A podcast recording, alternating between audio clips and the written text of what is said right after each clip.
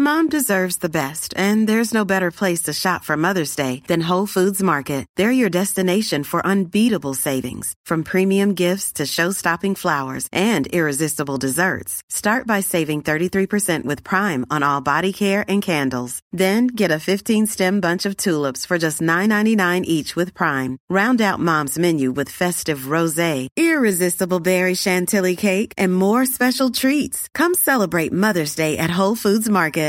Hey, I'm Ryan Reynolds. At Mint Mobile, we like to do the opposite of what Big Wireless does. They charge you a lot, we charge you a little. So naturally, when they announced they'd be raising their prices due to inflation, we decided to deflate our prices due to not hating you. That's right. We're cutting the price of Mint Unlimited from $30 a month to just $15 a month. Give it a try at mintmobile.com slash switch. $45 upfront for three months plus taxes and fees. Promo rate for new customers for limited time. Unlimited more than 40 gigabytes per month. Slows. Full terms at mintmobile.com. Hallå! Simon Gärdenfors heter jag och snart börjar min podcast Arkivsamtal. Jag kör ett roast battle på Under jord i Malmö den 2 september och jag kör livepodd på Lund Comedy Festival den 4 september. Där Arkivsamtal gästas av Christian Lok. Eftersom det bara säljs 50 biljetter till de här grejerna så kommer det ta slut snabbt. Men det innebär också att jag knappt tjänar några pengar. Mycket synd, för jag vill gärna kunna fortsätta med den här podden och andra kreativa projekt jag håller på med. Istället för att behöva ta ett vanligt jobb. Vill ni också att jag ska fortsätta med den här podden? Swisha en slant till 0760 72 47 28. Du kan också bli avsnittsdonator på patreon.com arkivsamtal. Då får du tillgång till massor av exklusiva bonusavsnitt och annat smått och gott. Jag har en rundvisning i min nya lägenhet som jag filmat bland mina samlingar och massa annat sånt skoj. Kommer snart en del två på det. Länk till det här plus swishnumret finns även i avsnittsbeskrivningen. En sak till. Glöm inte att följa mig på Instagram. Där heter jag atgardenfors. Men nu kommer Arkivsamtal som klipps av min redaktör Marcus Blomgren. Mycket nöje!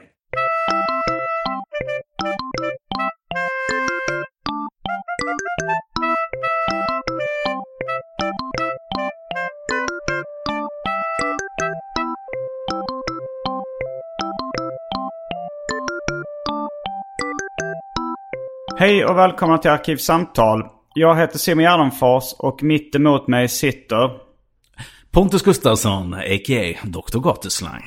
Yes, och det har blivit dags för del tre i serien inom Arkivsamtal som handlar om svensk hiphop-historia. Ja, precis. Du har en egen podd som heter Gatuslang eh, där det är mycket intervjuer med gamla svenska hiphopartister med mera. Och eh, ni som inte har hört de första delarna som bara halkat in på ett bananskal i den här podden. Lyssna igenom del 1 och del 2 om ni är intresserade av svensk hiphop. Eh, första delen, ja, då börjar vi, eller första delen var lite egentligen eh, när jag var gäst i, eh, i Kalle Linds podd Snedtänkt. Då pratade vi om, de, uh, jag och Kalle då pratade om de första svenska släppen som finns överhuvudtaget. Och sen så när du var gäst i första gången i Arkivsamtal avsnitt 1. Då, då började vi, var det 80 eller 90-talet vi började på då? Vi började på 90 tror jag, när mm. just det och Latin Kings kom. Ja, för det var där vi slutade med i Snedtänkt avsnittet. Och nu, och del två så var det mycket, ja då fortsatte vi lite på 90-talet va? Ja, vi uh, körde hela den här liksom, stora vågen som kom mm. där, som vi nämnde med Blues, Petter, Ken och Ayo. Mm. Och nu är det millennieskiftet och framåt vi ska gå igenom. Precis, när bredbanden kom till Sverige. Ja. Uh, men innan vi sätter tänderna i det matiga ämnet så har det blivit dags för det omåttligt populära inslaget Välj drycken.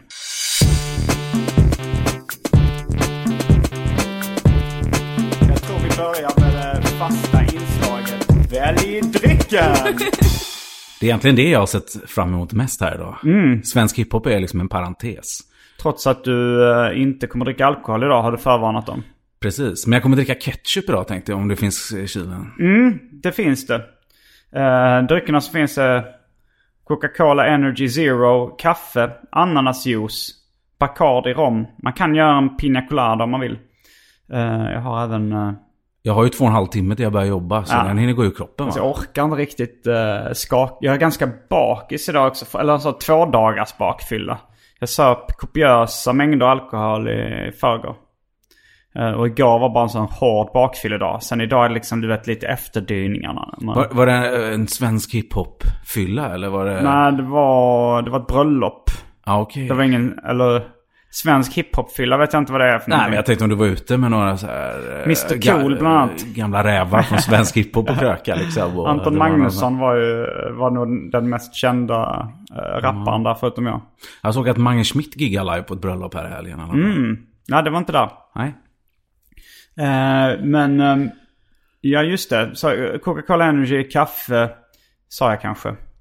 Eh, sockerfri Schweppes tonic, Jalovina ädelbrännvin, Rapsgate IPA, Svarta skäggets hostmedicin, Heinz tomatketchup, häxblandningen och för tråkmånsar och nejsägare vatten. Jag kanske ska tillägga att häxblandningen är allt som fanns i min kyl innan ni genomgick en så kallad corporate rebranding. Okej. Eh, men eh, du har redan valt, du valde ketchup. Ja, men jag vill också... Var det Coca-Cola Energy eller var det vanlig Coca-Cola? Det var Coca-Cola Energy. Sockerfri. Ah, Okej, det är inte som typ en så här Red Bull eller någon extra Jo, men det är väl med extra, extra koffein, men inget taurin. Okej, ja men jag, då tar jag ketchup och en Coca-Cola Energy då. Okej, ja. Då tar jag eh, tonic. Sockerfri tonic. då är vi strax tillbaka med dryckerna kända från det omåttligt populära inslaget Välj drycken. Häng med!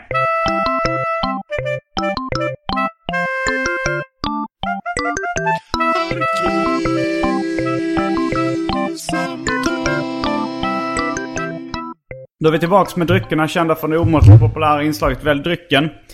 Eh, du har tagit Coca-Cola och eh, Heinz tomatketchup. Båda två eh, hiphop-associerade. Och specifikt med bandet De La Soul som jag lyssnade mycket på när jag var, när jag var ung speciellt. Och det har du berättat många gånger. Jag har det- berättat många gånger Och det tål eh, att berättas varje gång tycker jag. Ja, eh, enligt ett skivomslag så är liksom, eh, jag tror det var Maceo i Della Soul, hans favoritmat och dryck var ketchup. Och han sitter på ett omslag på något foto på baksidan med Heinz tomatketchup. Och vi och, pratar... och Coca-Cola. Eh, det är faktiskt en från första skivan med Della Soul där de har någon live-uppträdande. Och av någon anledning så säger de så här. And if you like the drinks of soda, let me hear you say Coca-Cola, Coca-Cola. Det är så konstigt om det är, att gissa att det inte är spons utan det är bara någonting de, de kör med. Ja, exakt. Men det har ju gjorts mycket legendariska dryckesrader genom. Och jag tänker på framförallt den här Lemonade was a popular drink and it still is med Ja. The Guru från Gangstar. Och, och vad menar han med den, eh, vad menar han med den raden?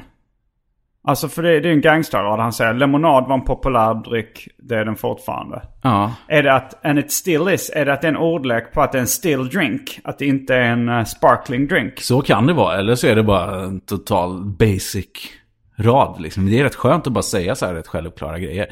För Leo gör ju en eh, version från MBMA som vi var inne Ja, på bärs var en populär dryck. Det är det nu med. Såg en innehållsförteckning för skit och där var du med. Ja. Men, eh, men där, där blev det ju ingen ordlek. Alltså där är det ju en referens till den Lemonade was a popular drink. Exakt.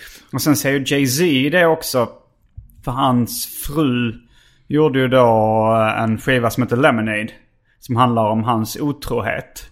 Men hon syftar då på att, ja men det här, when life gives you lemons, make lemonade.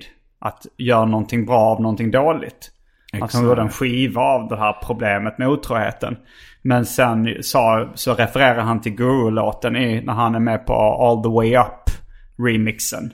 Just det. Eh, Så säger han Lemonade was a popular drink and it still is. Och där är Atmosphere en bra skivtitel också. When life give you lem- lemons you paint that shit gold. Släppte de ett album Ja, som heter. Han uppdaterar lite. Ja, exakt. Men och sen så tänkte jag, apropå det här med Della Soul. Jag, idag la jag faktiskt upp den här Reflex-låten. Hej, Mm. Ja, ja. hur mår du? Med Kajsa-Lisa Ejemyr där på Ja, och Johan refrängen. Kimrin som jag gick förbi på gatan eh, när jag var där i Malmö häromdagen. Mm. Hälsade lite rätt snabbt på. Jag var i telefon men... Och som också har varit eh, väldigt aktiv på min eh, Instagram här senast. Sen Mm, jag ja. postade. För de höll igång diskussioner eh, för fullt. Ja. han och en gammal rappare som heter Don Krille. Som Don också Krille, rappar. var han med i Asfalt? Eller var han med i något annat? Han var här med i någon Alla grupp- talar svenska-skivorna var ju samlingsskivor som då Johan King var redaktör för. Som jag minns det. Där, eh, där hans band och Reflex var med. Men också... Don Krille var med i någon... Ja, och han hängde med Agent Röd och Frotté mycket. Mm. Som var från Dalarna och gästade dem. Och var liksom med på de här under jorden. Jakten på underorden. eh, Tiden och sådär. Mm. Men du Eh, minns inte om han var med i Asfalt? Bandet Asfalt alltså? Nej, men Don Krille lys- lyssnar på den här podden. Så att, Ah, han kan ja. ju, bara återkoppla från Ja. de här. För det var något av de banden han var med i som var med på Alla talar svenska? Eller var han med där som soloartist? Ja, han gästar väl någon Agent Röd-låt i alla fall. Mm. Okej. Som han är med där. Men den reflexlåten i alla fall, den eh, Ring Ring-versionen finns på YouTube nu om man vill gå upp och lyssna på den. Från Ja. 98. Och jag har även gjort en spellista med, eh, till den här podden. Som man kan checka in. eh, Mm. På eh, Spotify, med- eller? Ja, nej på eh, YouTube. För Okej, fanns inte, Så ja. jag har lagt upp lite gamla låtar. Jag har upp, eh, vad heter det, MBMAs första låt, eh, Jag missar dig. Fanns inte heller på YouTube. Mm. Vad ska man söka efter då? Man kan söka på gatuslang eh, arkivsamtal så borde den dyka upp. Ja. Som en spellista. Så det är 28 spår här. Vi börjar med, med Peps Perssons gamla rapdänga där. Och sen så är det liksom, tar vi oss kronologiskt Ja. i den här spellistan. Ja men vad roligt. Det är skitbra initiativ. Mm. Och vi är på en legendarisk spot måste också flika in nu när vi ändå pratar om Kimrin. För jag håller på då, det de diskuterade på min Insta var bland annat Kajsa-Lisa Ejemyr som Ah. är på den här Reflex-låten. För hon, jag har börjat läsa om alla Rocky-serierna. Mm, du som det, är ja. serienörd.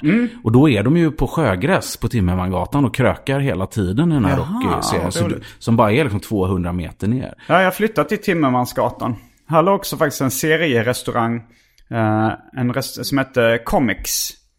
eh, för länge sedan som då var en eh, restaurang med serietema.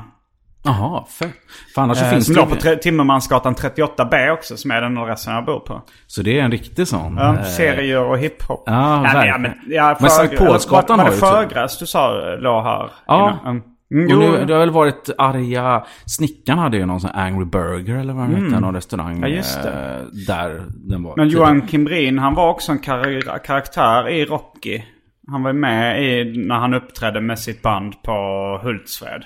Exakt, och det var därför de kom in och kommenterade de här grejerna. För jag la upp lite så här gamla klipp där de Mm. eh, är och festar och det refereras till svensk hiphop. Och så visade det sig då att... Och jag fan, men det var här- svartsjukedrama mellan då eh, Johan Kimrins karaktär och Kellerman i, Mm. i serien. Vilket hade blivit ett rabalder på riktigt då. För han hade ju bara hittat på. För Kimmerin hade tydligen en flickvän vid, det här, vid den här tidpunkten. för, så ja, det i blev jävligt serien dålig så har den karaktären legat med Martin Kellermans flickvän, eller hur? Ja, exakt. Men det hade bara Kellerman hittat på. Han hade bara hittat på det. Enligt Johan Kimrin. Så allt är ju inte självbiografiskt även om det såklart Nej. är relaterat till annat. Ja, men intressant så den kan jag rekommendera om man vill ha lite så här, eh, lite eh, partyanekdoter från sent 90-tal. Eh, och Mm. lite språkbruk som är lite annorlunda. Jag hade roligt åt en intervju med Petter bland annat. Där han, Just kallar, där han kallar K och Thomas Rosiak för jävla bögproducenter till exempel. I en intervju. Och vad, det skulle man aldrig göra. Att, eh, nej, han skulle nog inte gjort det idag.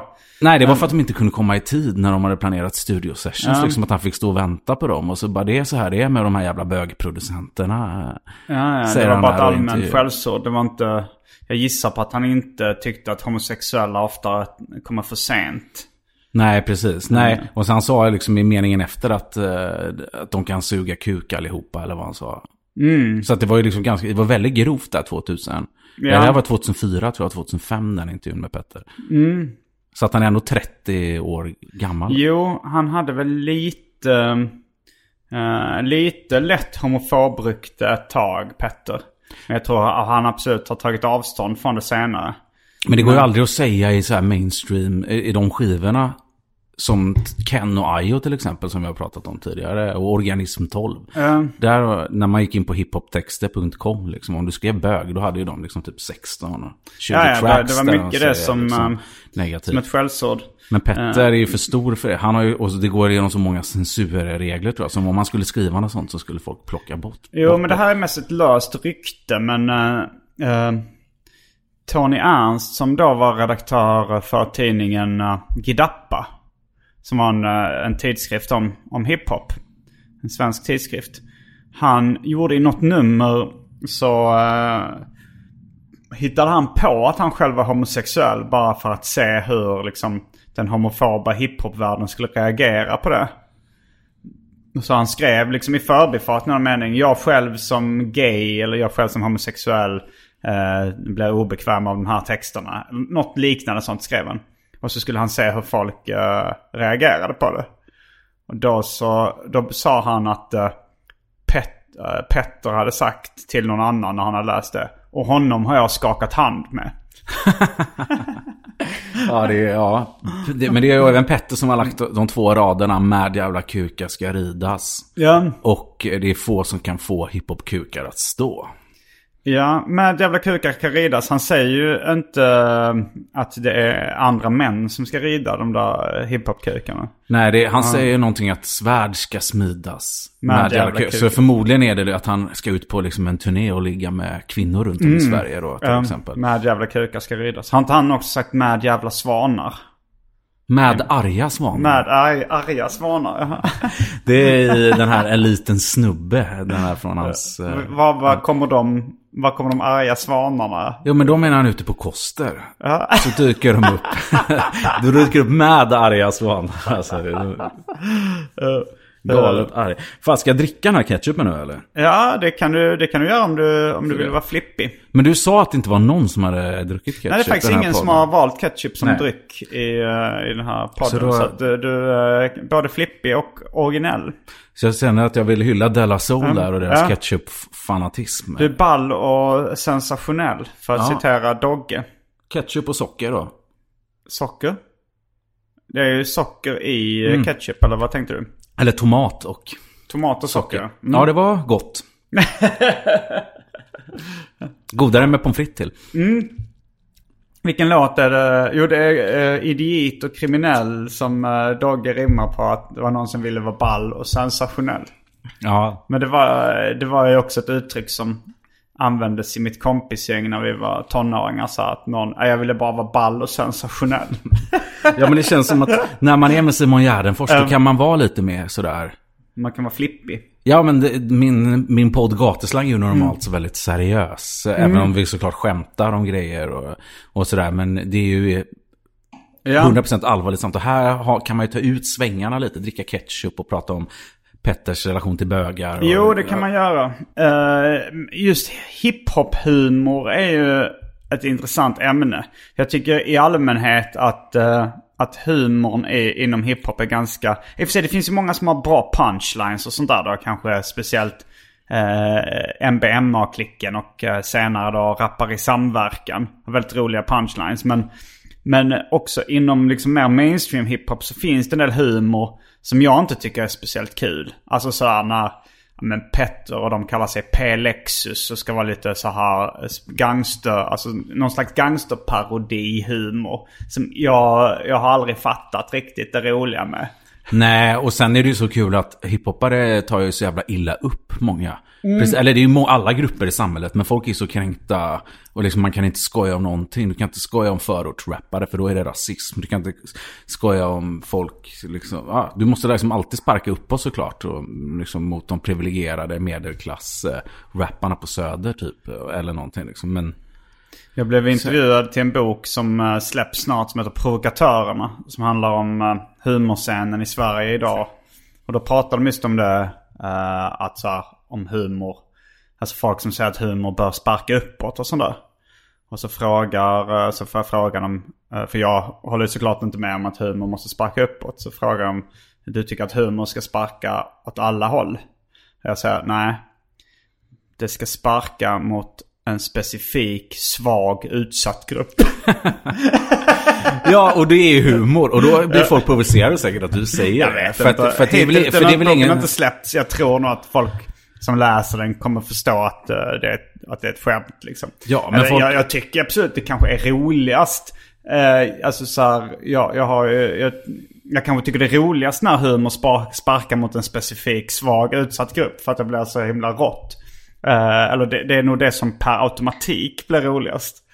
Men, eh, men det är ju inte den enda humorn jag tycker är rolig. Nej, nej men precis. Men Mm. du måste ju kunna dra dina egna paralleller i din skalle själv och liksom förstå vad det här är för människa. Det här, om det är liksom... Du menar en hiphop Nej men, om det, är- nej men om det är en 40-årig intellektuell eh, man Mm. så kanske den personen är och drar något korkat liksom. Så är det... Någon drar något korkat skämt. Ja men då kanske, man- då kanske man kan, fatta att den här killen dummar ner det eller liksom. Jo, Den jo. Alltså, det finns alltid vägar.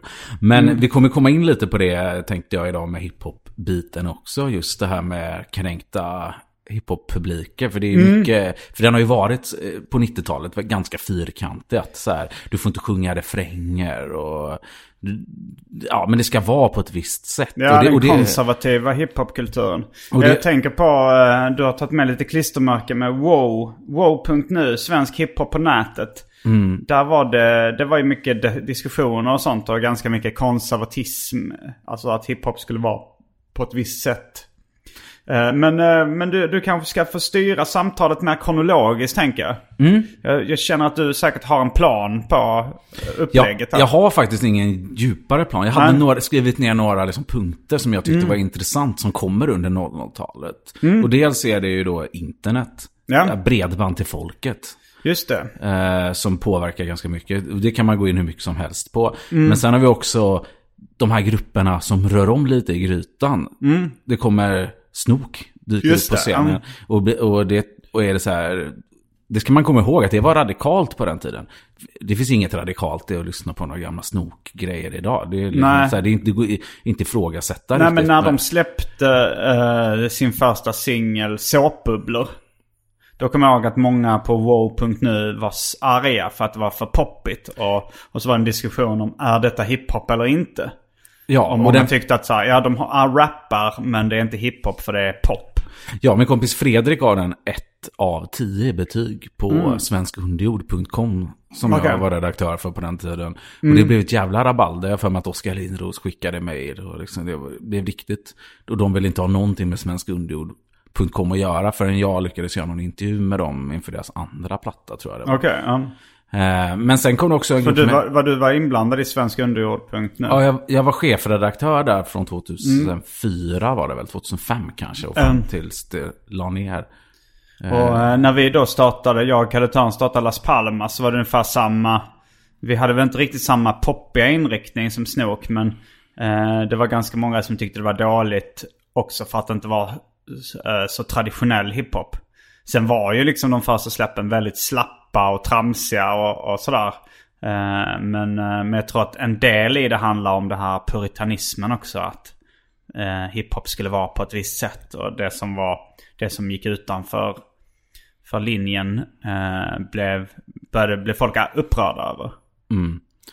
Ja, verkligen. Men det börjar ju luckras upp. Liksom. Las Palmas är ju med där och rör om i grytan. Du har Frej Larsson som Ja. dyker upp med Offe Prästes Orkester som är hans första grupp. Ja, Eh, och då- MBMA rörde väl om i grytan rätt mycket då också. Verkligen, och det bildas olika läger. Där, så här, vissa tycker det är nördrap och det är bara ordbajseri. Ja, PSTQ, direkt när han kom. Ken Ring eh, la någon rad. PSTQ, vad är det för jävla skit? Eller något sånt där. Fuck you kanske han rimmade på. PSQ. Ja. men jag kommer inte ihåg. Det, han gjorde en låt som heter Dissen. Just där det. Ken, där Ken bara går ut mot typ alla. Liksom, Som var inspirerad av eh, en låt som jag hittade på Wow också. Har jag hört i alla fall. eh, av Kine M. Gjorde en låt. Rapgruppen Kine M, Serdar och Levend eller vad de hette. Det var två rappare som gjorde en låt som hette Vad menar ni hiphop? En väldigt rolig låt som nog att hitta på YouTube också. Eh, där de dissar alla... eh, där de dissar alla liksom känd, som då var kända inom svensk hiphop i stort sett. Och det är många rader som är väldigt obegripliga men roliga. Ja men som så här... eh, De säger något om, är de profilen? De säger han har sneda ögon, han är från Västerås. Två grejer som, han är inte från Västerås. Nej, han är från Södermalm och han, och han har inte snedögon heller. Det, det är I&I som har det kanske, som har ett öga. Ja, där, I&I pratade de också. Där säger de att han leker DMX med sitt fucking gapande. Eh, och, men det är en rolig låt, den kan jag rekommendera. De gjorde också En finger sned. Som också släpptes digitalt bara tror jag.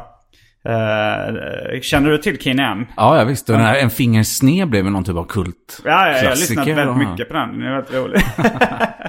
Men det kommer ju, ja men den här, då är det ju lite, det är ju Vi får lite lägga till dem i den listan på YouTube. Där. Ja, det gör vi definitivt. Det Ja. addas på här. Men det, fa- det fanns ju mycket, det kom ju de här... eh, Ja, i, i våra avsnitt där på 90-talet så glömde vi nämna en grupp som heter Puss and Mob. Som är eh, en typ, ja men svenneklick, tre, fyra pers. Mm. Som rappar som att de är från förorten.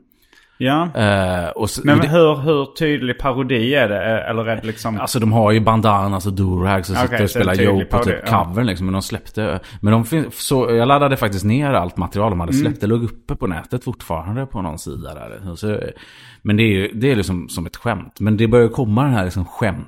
Där man liksom exploaterar hiphop och driver med den. Mm. Eh, Det kommer grupper som... eh, Men det kom ju rätt tidigt, alltså redan... Alltså jag skulle säga att den här Jag diggar dig med... Med eh, Wenche Myhre och Pavel Ramel. Den känns ju inte... Den känns ju också som en liten parodisk. Alltså mer en parodi på ungdomskultur i allmänhet. Men... Ja, jo men verkligen. Men då fanns ju inte hiphops Nej, eh, nej, på den var- tiden när de gjorde den. Men när BHA till exempel kommer, kommer du ihåg dem? Nej, vad stod det? Vad stod Eh, BH för? Eh, ja, vad 17 stod det för? Men de gjorde ju i alla fall, släppte några låtar som heter Vi har snygga brudar och, eh, Mm. och det var liksom svenska killar som gjorde liksom orten, eller brytningsdialekt Ja, och det. rappade som att de Det var kom- väl efter då Latin BH. Kings som, eh, som många gjorde parodier på det också. Ja, det var ju som eh, BHA, vi knycker dig, fett med syra, fett med spray. Och det är liksom tidiga interneteran med Ja. real audio files och sådär. Jo men det här fett med spray om man syftar, det tycker jag också var en rätt tydlig grej då runt millennieskiftet. Att det, det var mycket snack om de fyra elementen då. Att eh, hiphop var en del av eh, en kultur då som var med rap, graffiti, breakdance och DJing. Eh, som då hade klumpats ihop till något paket. Ja, Men jo. det kanske det inte var egentligen. I USA var det kanske inte så från början att så här, graffitimålare lyssnade på hårdrock och sådär. Det var egentligen att det, mer, det blev liksom ett paket som... Jag vet inte vem som startade det där med fyra elementen. Var, Nej, jo, alltså det var någon det- filmen, eh, någon av de här filmerna, Beat Street eller mm, något sånt. Ja, alltså de fun- det funkade ju så att det var mm, olika jams där alla fyra elementen dök upp. Men det Mm. Jo. måste ju inte nödvändigtvis vara så. Och sen ville nog folk kanske att det skulle vara så mer än vad det var och att man efterkonstruerar. Och, och liksom. Mm. Men eh, självklart hör ju de fyra elementen ihop och det är fyra konstarter som är parallellt och är på samma platser. Jo, jag hörde ju att eh, alltså, de klumpades ihop. Men jag, jag tror det var en av de liksom, filmerna som lanserade det att de hörde ihop. Alltså för att man hade ju... Skateboarding hade ju säkert kunnat klumpas ihop på samma sätt ifall man hade velat det. Eh, Men nu var det kanske mer så att skatare lyssnar på skatepunk och... Men att graffarna från början i Sverige i alla fall och i USA lyssnade inte på hiphop och... Nu har ju i och för sig breakdancing, jag tycker, de dansar rätt mycket till någon form av elektro i början som inte var så mycket hiphop. Precis, och idag är det mest afrodance och afrobeat och liksom den Mm. typen av, som jag egentligen inte alls kopplar till hiphopkultur, men som klassas som hiphop. Du kan fortfarande gå på dansstudios och dansa hiphop. Men det var ju folk som motsade sig detta som kom upp. Det kom en grupp som hette Förstörda för livet, om du kommer ihåg dem, FFL. Ja, ja, ja. Som din vän Agro rappade med. Mm, han del- gästade på någon dem och jag har mig att de producerades också av eh, Kapten Röd. Det var Kapten Röd som var en hemlighetsmakare här bakom. Mm. Eh, och eh, Underbarnet från FFL släppte faktiskt en ny singel här nyligen Ja. på Spotify. Vilka var de- det som var medlemmar i FFL? Eh, Underbarnet, Sjuka Pojken och Ereko hette de. Och ingen av dem var Kapten Röd? Nej. Det var Han tre killar. Underbarnet och Sjuka Pojken, Nils och Per tror jag de hette. Ja. De är bröder och sen var det Erik då, Ereko. Och sen hade de lite olika producenter. Gästades av Spaker som du har rappat Just med det. en del.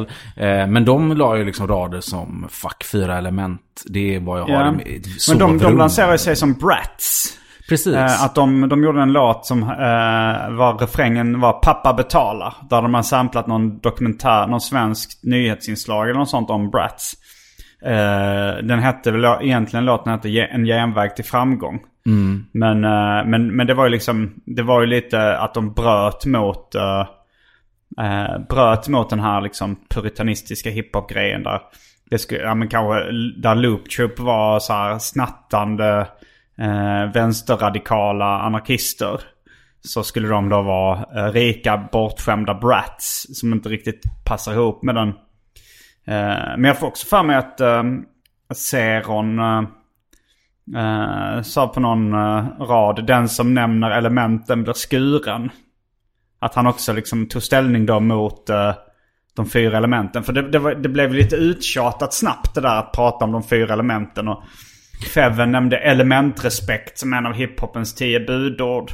Ja, Man skulle precis. respektera. Och det- de det- fyra det- elementen som utgör hiphop måste respekteras annars dör hiphop enligt henne. Ja, och det är, det är ju ganska liksom radikalt och grovt. Eh, som jag, jag kan hålla med om till viss del. Men sen handlar det också, du kan ju liksom inte... Du kan av inte dem kan du, du hålla med om? Att, Nej men att så här, att jag, jag är ju liksom, jag gillar ju den här puritanska delen med, alltså jag Mm. Blir glad i hjärtat när, när någon break, lägger en fet liksom headspin framför Mm. någon graffiti-målning och så står det någon och lägger cuts. Alltså det, Ja. är, ju- det är en jättemäktig bild tycker jag.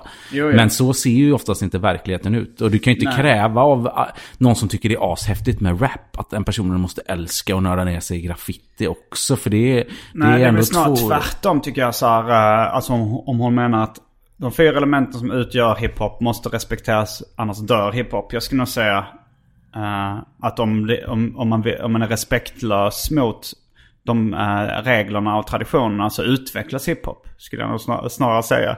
Jag är, inte jätte, jag är inte världens största fan av snok.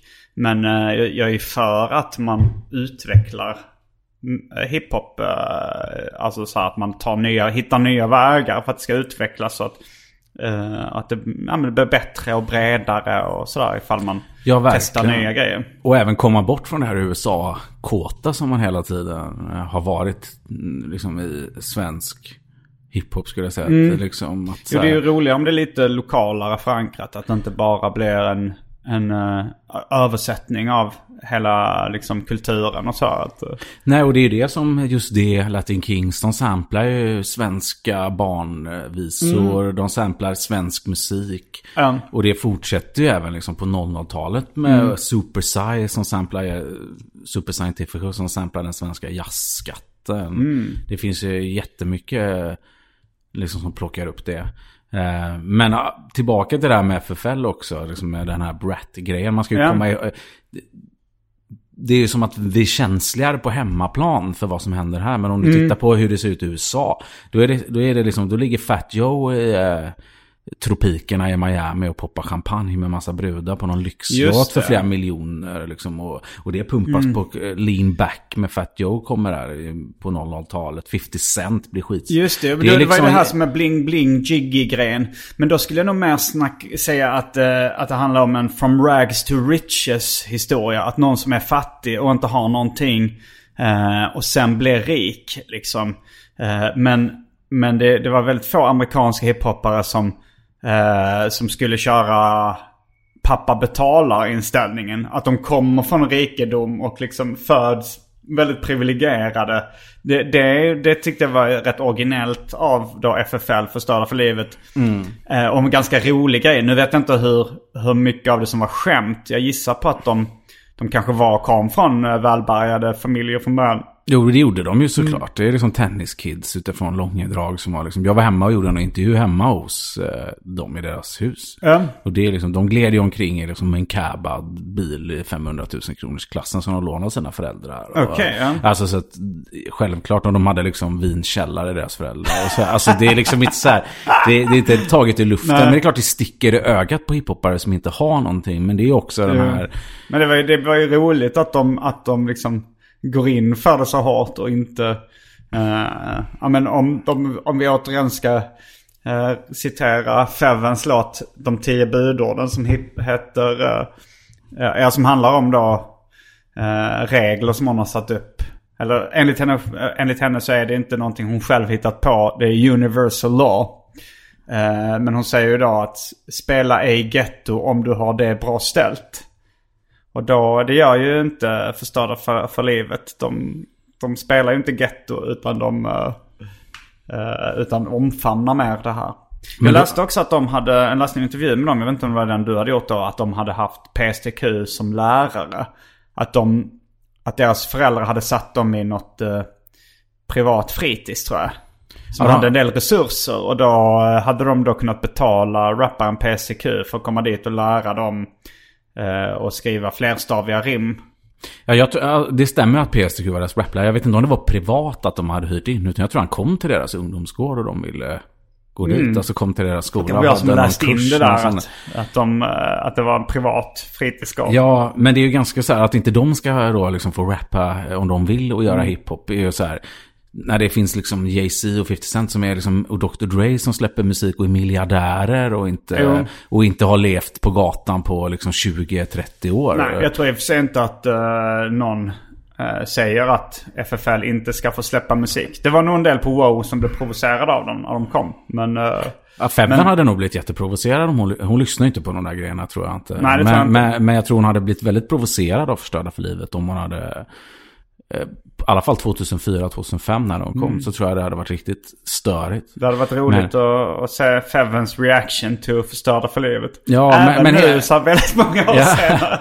men, även, men även liksom hur, så här, hur, hur vä- vänster, alltså hiphopen har ju alltid varit väldigt vänster i Sverige. Och vi har ju liksom en Förutom socialdemokratisk de Mange Schmidt vänsterpartist. som gjorde en, eh, en låt till Moderaterna. Mm, tillsammans med Willie Crawford då från just det. Ja just som det, han också var också med. rappare. Och det stack ju ögat var så Ja. sjukt provocerande för många. Men då ska man komma ihåg Lå- att... om det eh, rullar, vad heter det? Om det rullar, låt, vad hette låten? Låt det flyta. Låt det flyta, ja. Eller Ja. något sånt där, det flyter. Ja, men precis. Och då ska man också komma ihåg att om man tittar mot USA så fick inte de någon kritik. Där var det liksom, alla de här stora rapparna gjorde låtar för Barack Obama. Och, och Barack Mm. Obamas parti är ju betydligt mer höger än vad Moderaterna är. Om man ska se utifrån en politisk Ja, höger-vänster-skala.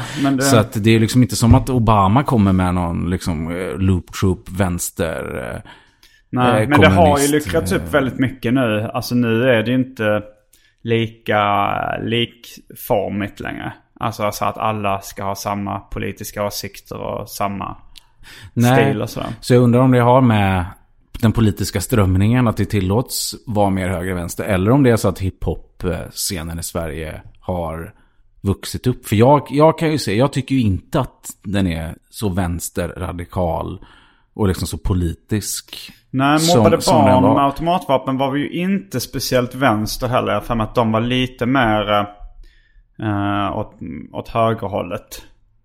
Alltså PCQ och... Ja, fast det, det, jag har väldigt svårt att tänka mig att de här liksom etablerade stora artisterna skulle rösta på ett högerparti under liksom 90 och 00-talet. Ja, jag vet inte heller. Eh, Men, Men idag kan, kan jag ändå liksom spegla att det känns som att vissa... Det är fortfarande fuck SD såklart, liksom, men det är fortfarande... Ja. Jag kan tänka mig att några liksom är lite så här... Touchar lite Centern och lite... Och lite andra liksom Ja, det är ganska få rappare som har eh, liksom lite ja, men, främlingsfientliga åsikter. Det var väl det var någon... eh, eh, det var någon rappare kanske från Göteborg som hade lagt raden. eh, du är alldeles för generös som Sveriges invandringspolitik eller något sånt. Känner du igen den? Nej, det låter, som, det låter som något som så här Mr Cool hade kunnat lagt på skoj. Ja, fast det här var nog mer någon som la det på allvar. Jag för mig att han... eh, Vi får fråga Agro. Han, det är han som har citerat det. Och, eh, Men Leo från MBMA har ju postat en hel del tveksamma saker på Facebook. Jaha, det har jag missat. Så, så han kan man har, han spana. lite, har han gått åt SD-hållet eller? Eller kanske alltid har varit? Jag vet faktiskt inte exakt Nej. vilken väg han har gått. Men eh, det har, det har varit en hel så här högerpopulistiska Mm, länkar från honom, vet jag. intressant. Så att, ja, nej men eh, vi får se helt Ja. enkelt. Jag skickade även en liten quote, jag vet inte om hon har lyssnat på den. På, Nej. eh, en, eh, vi pratade i förra avsnittet om när Ayo lägger raden på slänger era skallar. Halvsvart ras, kallar mig Hitler. Ja, Det har du ett sex sekunders klipp skickat till dig i alla fall. ja du skickade den det. Eh, men uh, vad, vad, men, vad tror du han menar med det? Jag vet att, han inte. bara alltså. är, att han bara är rasbiolog? Nej men är så här, Nej, vi han- pratar ju om det, men jag vet faktiskt inte vad han menar med det. Den är väldigt Svart ras, svårtolkad. kallar mig Hitler. Ja men han har ju sagt väldigt mycket som, eh, som vi inte förstår. Alltså som där, folk kommer ihåg mig som tomten i en gran har, vi, har jag länge velat veta vad han menar med också. Ja, nej men den här Ayo-intervjun måste ju komma till. Ja, har du aldrig lyckats intervjua Ayo? Nej. Nej. Har han tackat nej eller inte svarat eller? Ja, han har någon form av blandning liksom. Sådär. Men vi, vi skulle träffats för en fika för några år sedan. Men det blev inte av. Men han är ju här och tränar en hel del eh, kampsport. Mm. Han är ju riktigt duktig kampsportskille. Alltså. Ja, han fortfarande. Ja, han han borde väl vara eh, knuffa på 50 år gammal eller något sånt nu. Men... Jag tror inte han är så gammal som Nej. man tror. Alltså. Han han, var, 45 han var så jäkla ung. Eh, Han, är nog född, han kan nog vara född tidigt 70. Mm. Så att, Men- ja, men han, ja, han pushar snart 50 då. Ja. Mm. Men han, har ju, eh, han la upp någon bild på sina magrutor här för ett tag sedan. Alltså. Mm. Det, är, det är ingen kille jag skulle börja bråka med. Alltså. Nej. Han, Det- nej, men han, känns är, onödigt. han, han har ett kraftigt bälte tror jag i, BJJ, brasiliansk. Mm. um, Så, eh, ja. Men eh, vad var, vad var vi i tid nu då? Mm, vi, alltså vi har hoppat ganska mycket. Men om, om vi säger att svenskarna börjar få bredband.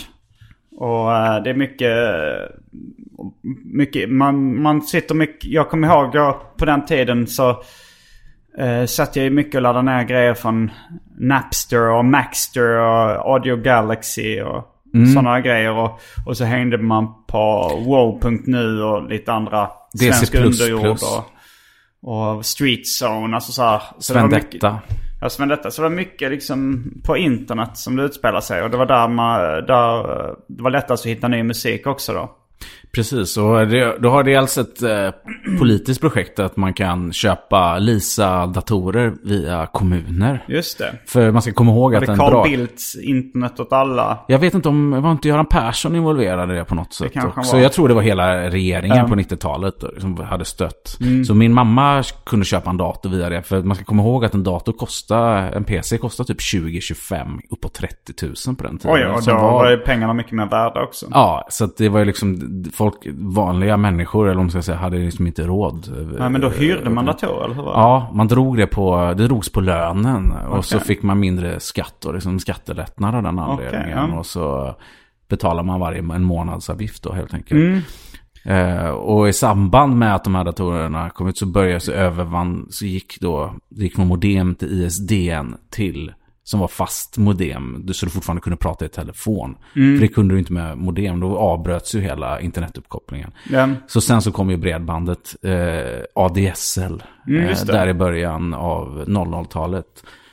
Eh, och det förändrade ju att du kunde hänga på internet, Mm. chatta med folk, du kunde hitta människor, folk ute i småstäder i Sverige, även i storstäder Mm. som jag bodde i Göteborg, kunde skaffa kontakt och starta olika grupper. Vi hade en grupp på MIRK, IRC, som Ja. hette hiphop slash rap.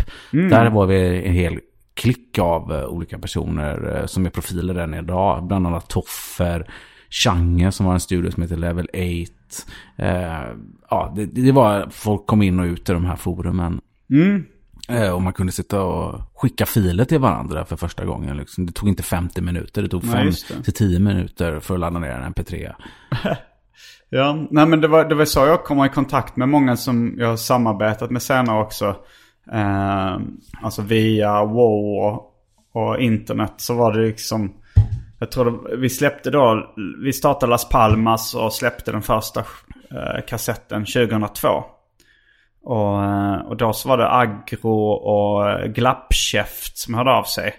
Uh, Glappkäft bodde i Uppsala där det fanns en hel community kring hiphop. Det var ju liksom afasi som då hette motorisk afasi och det var eh, Professor P och det var ett helt gäng. Jag åkte dit och hälsade på. Professor P var nog fortfarande kvar i Lund på den tiden. Det kanske han var, men han jag, hängde nog mycket i Uppsala. Och det fanns ett kollektiv som hette Hiphop 018 som sände radio. Robert Silén och Ja. DJ Achilles var väldigt involverade. Just det. Och det fanns lite alla möjliga andra också. Pelldag. Ja, Det fanns några som hette, vad heter de? Bitch Viking. Bitch Viking. men var inte det Pelldag?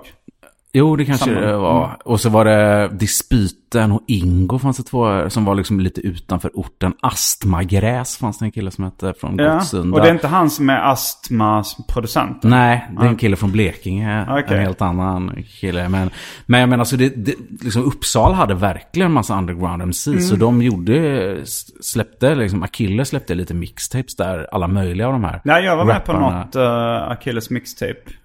Mm. Någon, jag hade nå- någon liten låt där. Men, Eh. eh, ja, det var, det var en del samlingsskivor som släpptes också, alltså runt den tiden. Eh, Skönt att ha till sommaren, minns du den? Absolut. Både skönt att ha till julen släpptes Ja, det också eh, ja. efter. Det var, det var en annan... Men var det eh, CDR eller? Nej, den var nog ändå jag, jag tror att den kom på CDR också. Ja. Och digitalt. Och det var en kille som hette Olsen. Olsen ja, som eh, var från Småland tror jag. Exakt, ser du? Du har koll på de här Ja. underground-rävarna. Ja, men jag hängde mycket på WoW där. Och, det, och jag lärde ju känna Frej också via WoW och Agro. Eh, som då var från Göteborg men hängde också mycket med de här Uppsala-rapparna. Exakt, han var ju uppe och hängde mycket i den här klicken i Uppsala då som... eh, Spaker och Kung Henry. Och Exakt. Och, och de här hade man ju aldrig kunnat ta reda på, alla de här släppen, om man inte hade haft internet. Annars hade man ju varit tvungen att åka till Uppsala, gå till Musikörat, den här skivbutiken, Mm. och fråga där. För har ni några hiphop eh, från lokalt? Ja. Eh. Men jag var ganska dålig på alltså internet. Eller så här. Jag var, okej på att hänga där liksom. Men jag, jag orkade inte ta reda på hur man skulle ladda upp sin musik från början. Eh, så när vi släppte de första Las Palmas-kassetterna. Så gick jag runt till de lokala skivbutikerna här. Eh, det fanns någon som hette Fade tror jag eller något sånt där. där eh, Fade Records eller någonting där, där liksom sa ja men tar ni in hiphop-demos? Så, ja, visst. Och så fick man lämna in dem där och så fick man väl ta en del av pengarna när de hade sålt dem.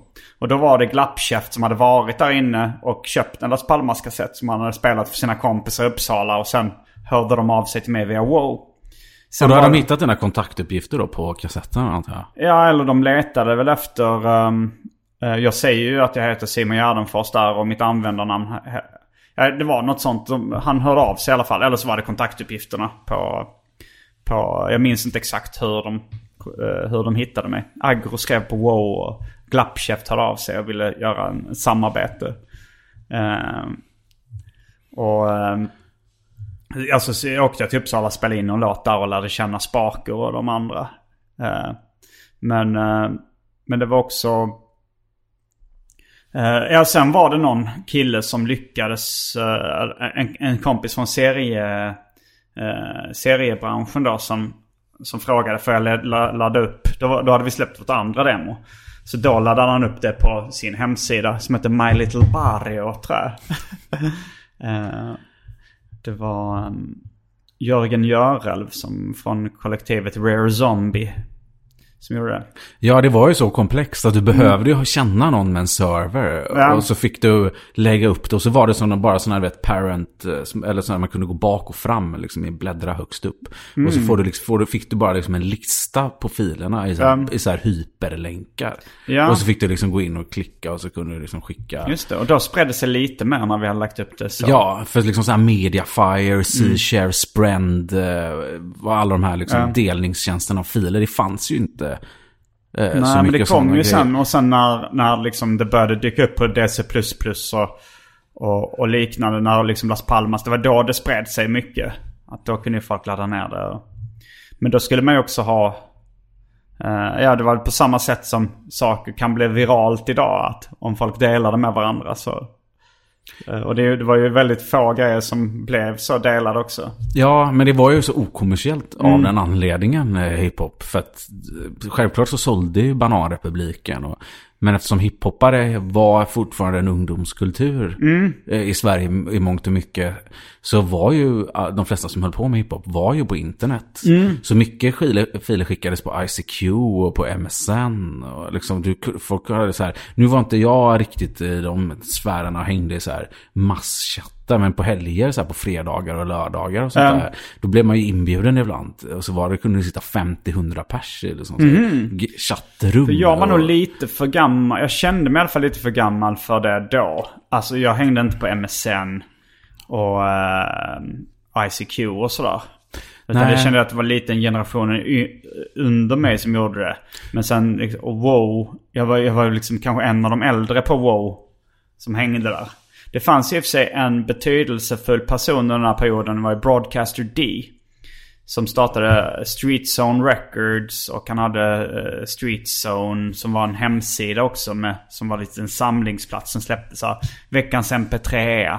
Då kunde man få lite mer uppmärksamhet för sin MP3 om den hamnade, hamnade där. Jag tror de släppte spökskrivare med Las Palmas tror jag hamnar på Street Zones Den veckans släppte vi på MP3. WoW faktiskt. Ja, det var det wow. MP3. Ja. Ja. Och du säger vi, du var inblandad där då? Ja, precis. Eh, Det var väl ungefär kring spökskrivartiden som jag blev redaktörsmedlem då. Okej. Eller för, I början så var det ju bara en community. Mm. Och sen så startade vi en blogg. Det var ju några år senare. Jag vet inte exakt när det var. Liksom. Det var när det var hett Mm. med bloggar. Vi var kanske lite sena på bollen där. Ja.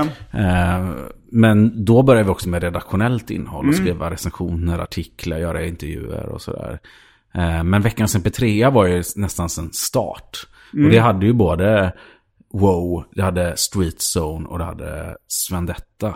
Mm, Och st- jag, vet, jag minns att Street Zones var jättemånga nedladdningar på de här. Ja. Alltså var, och även WoW. Vi hade liksom, vi släppte Shazam, rätt beväpnad tjockis. och Den hade liksom, den fick över 20 000 nedladdningar jävlar, på, liksom, så här, på ganska Vilken kort låt tid. då? Vi ses i sommar. heter låten. Jag tror det är en av de, det måste liksom vara en av de mest nedladdade svenska hiphop-låtarna genom tiderna i Sverige. Mm. Eh, Hur kommer det sig att var det för att folk illa den eller var det någon annan Ja, anledning? den som- släpptes ju kanske vid en bra tidpunkt till sommaren. Och eh, Shazam då, eller Beväpnad Tjockis, hade precis vunnit över Organism 12. Ja, eh, ja, i, som I en battle i freestyle SM 2004. Ja, jag tror att jag såg den eh, filmad. Jag tror inte jag var där och kollade på den. eh, den rap battle men... Nej, jag minns att vi satt och såg den i datasalen i gymnasiet. Så jag måste ha gått i trean på gymnasiet. Och Ja. vi satt och garvade högt åt den så det, och det var ju också så här, att få se videomaterial hade man inte heller. Det var bara Nej. musikvideos kan man komma ihåg. Det var ju inga som... Vet, folk hade inga telefoner med kameror eller du vet så här. Nej. Det Ja, var på den tiden fortfarande- var rap battles också. Tanken var ju då att det skulle vara helt improviserat. Att det var liksom ett skällsord, nästan förskrivet material. Sen kom det ju en battle rap-scen många år senare. Eh, kanske runt 2010, 11, något sånt. Där, eh, där liksom var inspirerade mer av det amer- amerikanska formatet. Eh, där, eh, ja, men det var okej att ha förskrivet. Eller det var ju snarare tanken att man skulle ha det. Man får till och med hitta på och ljuga om motståndaren som du gjorde när du mötte Ja, just Henry det. Bowers. Jag var på Peace and Love och såg det. Dra Ja. upp ett, förhö- ett protokoll från eh, Just det. tingsrätten tror jag. Ja, det kanske var Som från bara- tingsrätten. Jag hade fejkat, uh, fejkat eh, offentlig utredning. Vad var det på pappret? Jag tror jag hade laddat ner eh, bara så här googlat offentlig utredning och tagit någon pdf från någon annan. Så det var bara en helt random. Ja, och sen hade väl liksom försättsbladet ändrat lite namn så att han eh, Critical då som eh, filmade allting, han gick fram och bara skulle granska det för att se så här, är det här ett riktigt? Och då så hade han gått på det då och trott shit, det är äkta för att... Ja, det är kul alltså. Ja. Ja, nej men så det är ju... Shazam har faktiskt just börjat med stand-up. Alltså, det är ganska många battle-rappare som jag, Anton Magnusson, Arman Reinsson och nu då också eh, Shazam som har börjat med stand-up. Men det är ju nära besläktat. Och Ja, det det han har ju jättebra stage presence Mm. och vet precis hur man ska connecta live med publik. Så att man har nog... Hyper har gjort ett eller två stand-up-gig också. Ja, nej men det finns jättemånga Mm. som jag hade velat se från den svenska hiphop eh, eh, som hade Ja. gjort sig bra som stand-up komiker tror jag. Ja, Sparker hade nog också... Ja, Agro har också gjort några... några Henry Bowers hade vi kunnat ha gjort sig bra ifrån sig. Absolut, han var med i en roast i alla fall där jag blev roastad i Malmö. Och så då kör jag någonting som liknar stand-up. Just det, den har jag sett. Ja. ja, när du blir slaktad där ja. Ja. Ja, nej men precis. Nej, men Öris hade säkert kunnat vara rolig. Hade Absolut. jag velat se. Ja. Liksom, en. Mm, jo, det- PSTQ också. Jo, absolut. De- Det är många som har... eh, ja, men att skriva en eh, one-liner är också uh, ganska uh, närbesläktat att skriva en punchline inom rap. Det ska vara ett kort och kärnfullt skämt i stort sett. Även om... eh, ja, men en punchline kan också vara... Det behöver kanske inte vara ett skämt allting. Det ska bara vara en stark rad kanske. Ja, Det, jag, det var en diskussion på WoW rätt mycket också. Vad är en punchline? Ja, alltså ordvitsar är ju inte så kul i stand-up sammanhang tycker inte jag. Nej, Som sån här ordvits-SM. Utan jag är, gillar ju story. Alltså folk som är historieberättare Mm. och kan berätta en... Inom stand-up då? Ja, inom stand-up. Att man verkligen så här, drar en eh, Jag har mycket sk- högre- story från mitt liv eller från Jo. någon. Men jag har högre tolerans för ordlekar och ordvitsar i musik än vad jag har i, i stand-up. Men jag kan också tycka det är roligt med one-liners. Alltså Mitch Hedberg eller Zach Galifianakis när han drar bara one-liner-skämt. Det är fantastiskt kul tycker jag. Eller Rodney Dangerfield. Som också faktiskt gjorde en raplåt, Rappin' Rodney. På 80-talet om du kommer ihåg den. Ja. men, eh, men just det här med liksom författande också när vi kommer till hiphop. Om vi kommer till historien eh, så är ju text, textutvecklandet går ju snabbt framåt. Efter MBMA liksom som får mycket skit från många håll och kanter för att det bara är ordbajseri. Men det handlar ju oftast om okunskap. För att folk inte förstår de här orden eller vad de här säger. Liksom att man Mm. ser ner på andra eh, blir det ju nästan indirekt. Eh, Jo, det blir för- någon form av liksom av, avundsjuka. Att folk känner sig omsprungna också. Att här kommer några som är extremt avancerade språkligt. Och så tycker folk, fan jag är kvar i det här gamla, ganska korkade sättet att skriva. Så det är så här, det, jag tror det har lite med det att göra. Att folk döm, dömer ut det. Och sen är det också någon form av eh, klasskamp. Inom, eh, även inom svensk hiphop. Att, att uh, ja, men, om, om då liksom eh, mobbade barn och, och de har en mer medelklassprägel på sitt språkbruk och kanske sin livsstil i allmänhet så, så är det vissa som kanske kommer från en, eh, en fattigare del av Sverige som tycker att så här, det här det är, den här, det är det här som är äkta hiphop. Det där hör inte hemma här och så vidare. Men det är ju helt logiskt vad man relaterar till. Det är ju, Mm. det är, alltså jag förstår att en 17-årig kille från Somalia ute i Husby till exempel Mm. inte uppskattar PSTQ. Men- det, alltså så här, vem, alltså det, hade varit helt, det hade varit jävligt ball om den personen Ja, det gjorde finns det. någon som gör det. Men... Eh, Men det är ju ganska logiskt liksom så här. Och, och han kanske har liksom massa i referenser och bara liksom kanske till ganska smala Mm. Jo, grejer jag som förstod du ju också inte gör. jättemycket om, om PSTQ säger så här. Eh, jag ska pansarkryssa av era Potemkin-kulisser. Och sånt där. Jag förstod ingen av de referenserna då. Så fick man gå in på WoW och läsa. Så var det någon som hade då lyckats eh, lista ut eller fatta att det var så ah men det finns en, Ja. en film som heter Pansarkryssaren Potemkins kuliss.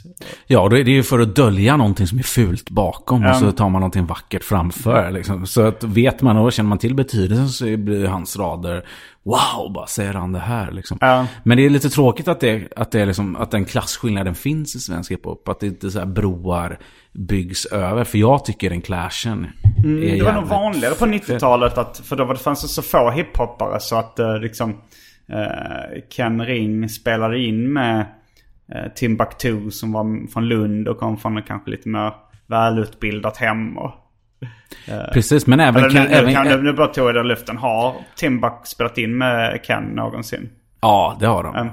Det måste de ha gjort. Och jag tror till och med att det var Timbuktu som hjälpte Ken att släppa hans comeback-platta där. Den här äntligen eh, hemmaplattan hemma, 2007. Jag tror att det var han.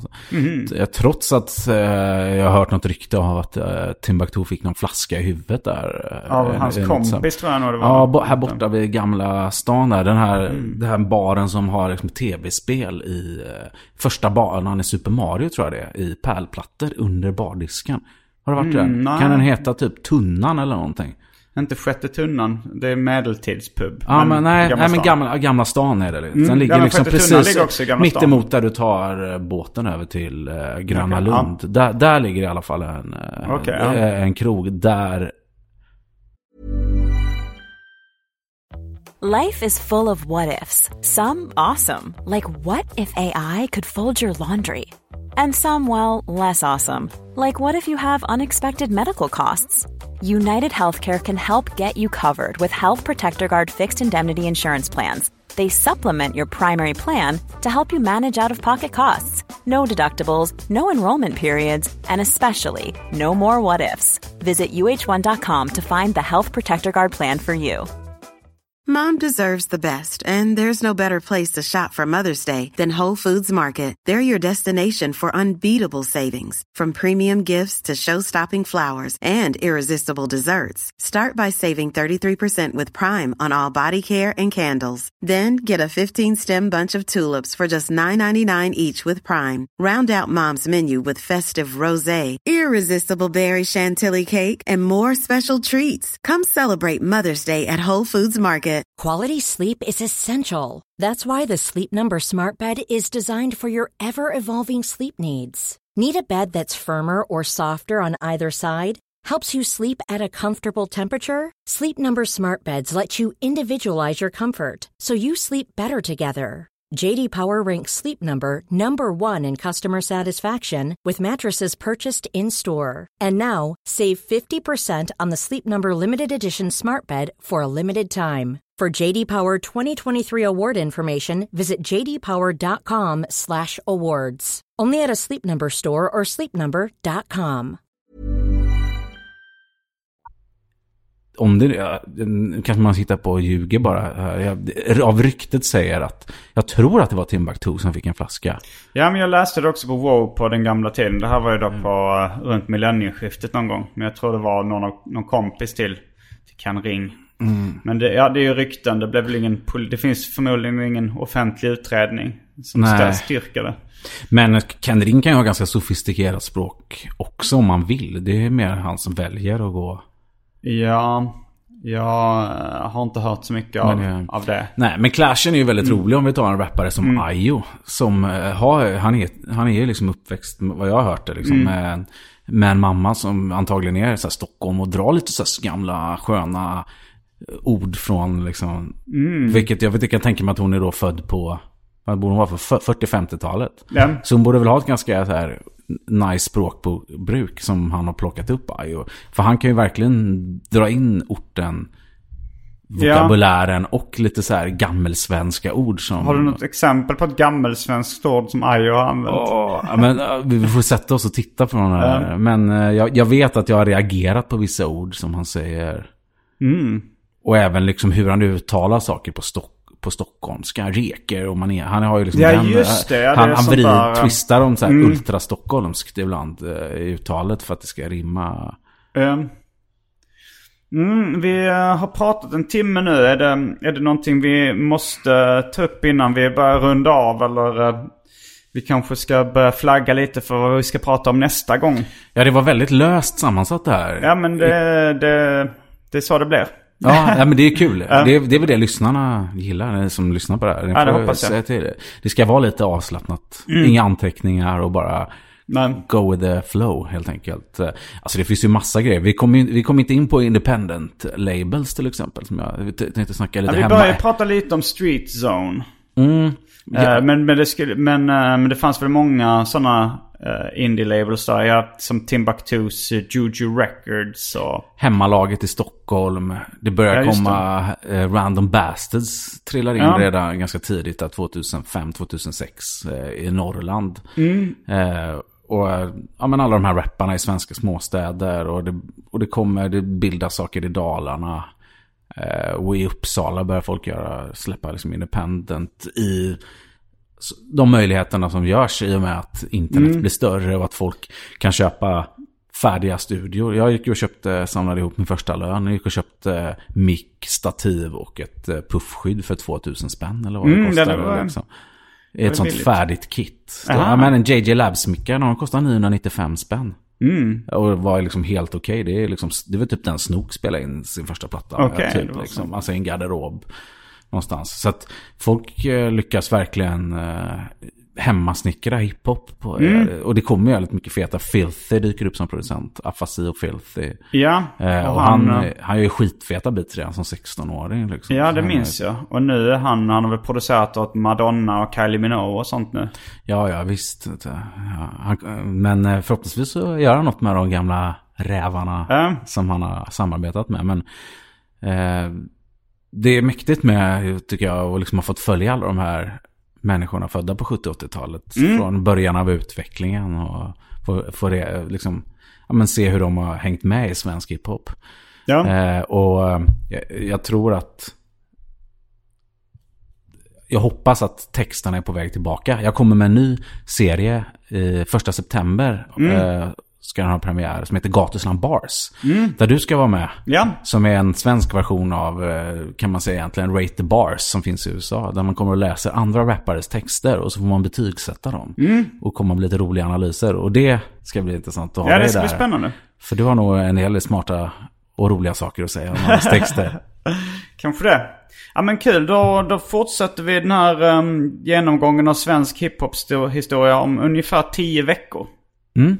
Och uh, jag får tacka dig för att du var med. Det var allt från den här veckans Arkivsamtal. Jag heter Simon Gärdenfors. Och jag heter Pontus Gustafsson. Fullbordat samtal. Yes!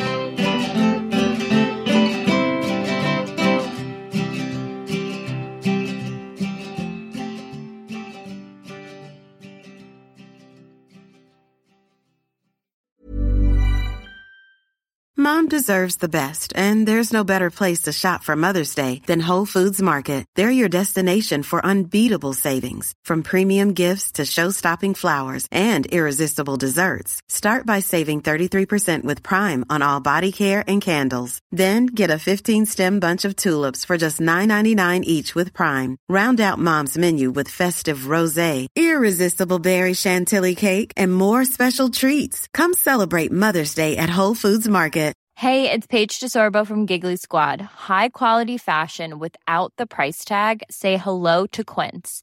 I'm snagging high-end essentials like cozy cashmere sweaters, sleek leather jackets, fine jewelry, and so much more. With Quince being 50 to 80% less than similar brands. And they partner with factories that prioritize safe, ethical, and responsible manufacturing. I love that. Luxury quality within reach. Go to quince.com slash style to get free shipping and 365 day returns on your next order. Quince.com slash style.